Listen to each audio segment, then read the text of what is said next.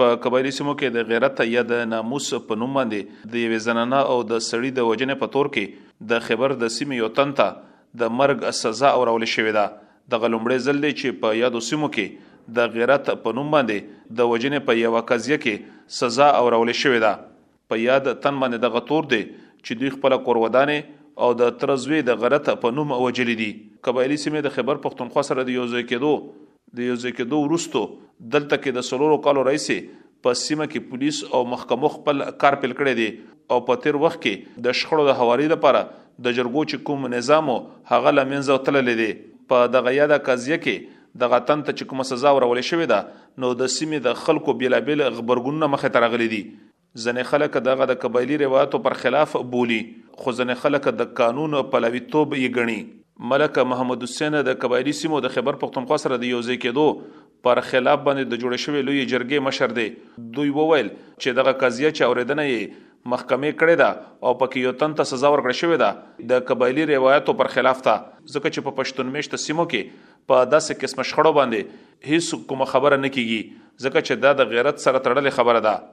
موږ دغه خبرې ډېر افسوس کوو چې موږ د قبایلو 70% 75% اسلامي قانون چې لیدو و چې دا د قانون د حل وروسته دی کنه چې دا په جبر زنوګونه دا به موږ په وطن کې نه وي په قبایلو کې ځکه چې هر سړی د ډورېدو شعر پنځم مذهب شته دی اوس چې کوم دی اوس ولا چې پښتونخوا کې بلکې په قبایلو کې ما کدو کا هغه مملې راوتی دي چې کومه پاکستان کې وي نو موږ د احتجاجي کیمپ هم دغه لګولای دی چې موږ دغه نوای قانون د چې په موږ لاګو کړی الزام کېدل دا موږ نه منو دا غیر یې نکړي دي غیر قانوني کړي دي غیر اخلاقي کړي دي او دا موږ نه واپس کی او موږ د خپل حال باندې پری دي او بیا د موږ نه پښتنه وکي چې آیا تاسو کبویل څه شی غوړ؟ د پاکستان د بشري حقونو کمیسیون وایي چې په خیبر پښتونخوا کې په دې روان کال کې د شپېتو نه سوا پېښې د غیرت په نوم باندې ثبت شوي دي، خو بیا د بشري حقونو قامي کمیسیون وایي چې دغه پېښې یوازې یو کم دېرش دي. صائمه منیر د یوې غیر دولتي ادارې عورت فاونډیشن د خیبر پښتونخوا لپاره مشره ده یا د اداره د اوګدې مدیرې سه د زنانو د حقوقو لپاره کار کوي دوی وویل چې د غیرت په نوم باندې د انجلیو وجل بلابل علتونه لري چې پکې تر ټولو لوی علت یې دغه دی چې انجلې ته دغه اجازه نه ورکول کیږي چې پر خپل خوخه باندې واده وکړي کچرته کې دوی دغه سګام پورته کړي نو د کورنۍ خلک یې وجني دوی و چې کسه هم انجلې ته اسلام یا دین هم د دې حق ورکړی دی چې د خپل راتلونکي لپاره دی په خپل باندې فیصله وکړي خو له پښتني روایت دوی ته د دې اجازه نه ورکوي نو د دې خو مختلف وجوهات دي یو خو دا وجه ده چې دا زموږ دا سو کال غیرت چې دا په دې حق کې نه ده چې زموږ خور یا زموږ بچی یا د معاشرې جینۍ چې دي د خپل په خوښې چېرته واده وکړي یو خو دا خبره ده او د هغې خوښه دا ولې نه ده ولې چې هغې ښځه چې ده نو خپل جایداد ګڼي نو دې ته وجه د هغې دا خیال دی چې دا ګډه بیزه ده یا جایداد دی نو دا خو بیجان څیزونه د دې خو حق نه لري که نه یو بله مسله دې سره تړلې شوې ده هغه دا ده چې دلته خلک طلاق هم نه خوښوي که یو دوه کسان خپلو کې نشي پادې کېدې هغه وی چې نه د دې طلاق هم نشي کېدې ټیک شه خوښۍ نه اسلام کې شته خو دې خوښۍ نه او دې هر څه حل لپاره طریقې کار موجود قانوني طریقې کار هم شته مذهب هم دا وایي خو زموږ مسله دا ده چې دلته غیرت دلته کلچر دلته روایات چې دي هغه ډیر زیات د هغې هول ډیر زیات دی.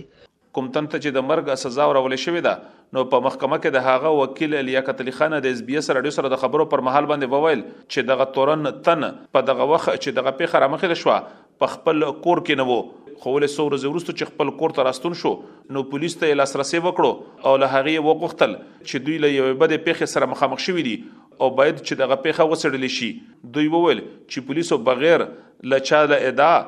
دوی ونیول او په بند یې محکوم کړل. دوی زیاته کړه چې په یاده پېښه کې هیڅ کوم تن مخې ته نه دی راغلی چې دوی دغه ادعا کړې وي چې په دغه یاده پېښه کې دغه تن ککړ دی. په دا کیس مولا په دا وجه یادولو چې یاره په دا کې واقعي سې بې ډیلې کېده او په دا کې به ګوهونه تلخو کېدل بې پکې نه نو دا کیس بیا مولا وغوللو جی او دا تقریبا 15 شپږ میاشتې مخکې مولا وغوله بیا مو په سکړو دا کیس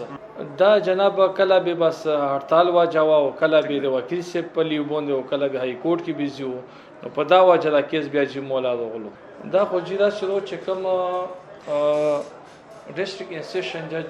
جامبرو چې کومه فیصله وکړه دا اکارډینګ ټو لا نو و دا اډر چې راي دا اپیل بل او دا به په های کورټ کې د خلوق موږ اپیل کوو جی په دا کې جی مین اسپیکټ دا و چې د کې کومه د غلور وا د سیول شو هغه 164 کړای وو په دا کې دا خبره کړې و چې جی موږ لو دا کو وکړلو او دا یک د لو سره له موږ سو چون ټکو خو لټه دا چې موږ د غي بیا 104 بیا ریکارډ کړلو نو پاغه کې د خپل بیان نه هغه منکر شری زیل شو او هغه بیان باندې جسب دا سازو کړای دی شی مې وای نو یو ځلې هغه په فیور کو بیا اگین شو نو چې کله هغه چې مو پلو به ګناره و مو د اصلي دلی کاتلی نه دی و مو پلو کا بری شی مو په تیروس نشته قانون کې چې دغه 104 دای سیاده چې هغه خو چیف اول شوی وو نو کراس خو په وکیل سیب نو وکړای چې کله کونسل په کراس وکړو نو هغه بایونه دا وځي او چې رقم بایون مخکې شوی دی دا په دابو باندې شوی دی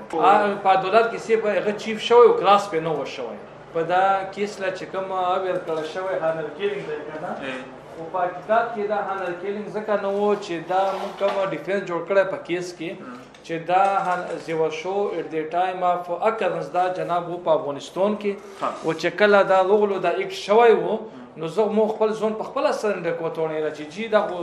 زه راپور لرم او زه په کیس کې نو کوم پولیس والا اوس د دغه تن قضیه د خیبر پښتونخوا سترې محکمې ته وړل شوې ده ملک محمود حسین وویل چې په تیر وخت کې د غیرت په نوم باندې په وجنه کې هیڅ کوم دولتي تن کار نه درلودو او د یې د روایتو سره سم بوللو دوی ول چې پر اوس مهال باندې د محکمو د لوري دغه شنت پریکړې کیږي کوم چې د قبایلی سیمو د روایتو پر خلاف دي دا به خاطر شو خبره پېنه شي وس پر خبره چې سړی پیول نه دغه دوه دوه ځله به هغه سزوګونه درکوي موږ وسه دا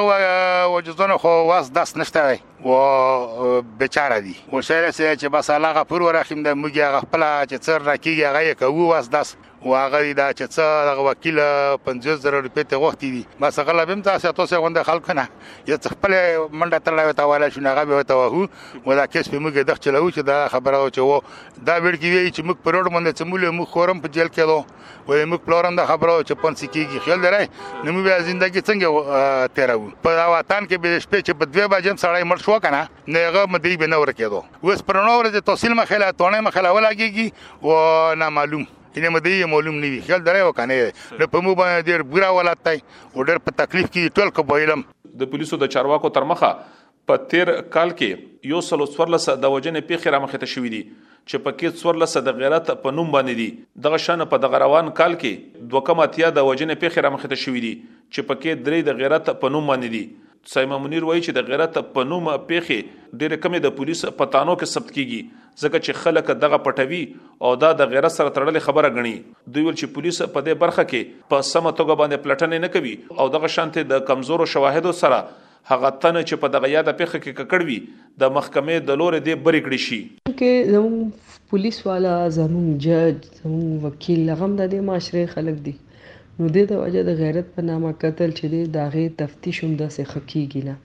ګینې دو هزار چار نه قانون راغلی دی چې د غیرت په نامه قتل خبره کوي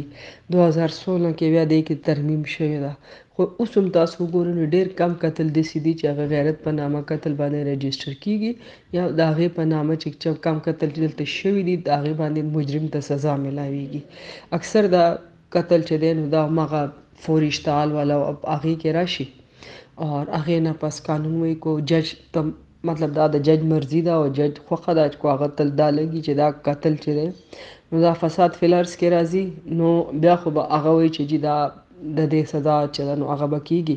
او دې کې بیا دا قصاص او دیت به نه کیږي خو کو د هغه داسې نه ګڼي نو بیا دې کې قصاص هم کې دی شي دیت هم کې دی شي او چې کله د یو ښځې چېرته وژل کیږي نو تاسو ته هم پته ده د هغې وارث به څوک یا د هغه پلار یا د هغې ورور یا د هغه زوی نو او قاتل یې څوک یا به ورور یا به مطلب تره به یا به ماما نو وارث خو بیا معاف کړي نو پکار دا دی چې دا څیزونه دا قانون چې دی چې څنګه موږ دا قانون غوښتی و چې دې کې د ریاست فریق جوړ شي او ریاست په خپله دې کې دا فریق به وي نو بیا به نه به هغه د دیت به کوي او نه به هغه قصاص کوي هغه به ډایرکټ د قتل په حیث به دې ته ګوري او د دې بیا قانوني سزا چې کومه ده هغه به کړي. په تېرو څلورو کالو کې د قبایلي سیمو شل زره قضیې په محکمه کې دا اورېدنې تر لاندې دي چې په کې یوازې تر دوه نیمو سوو پورې دغه شانتې قضیې دي چې د زنانو د حقونو سره تړلې دي. اسلام ګل افریدي، اس بي اس راډیو، پېښور.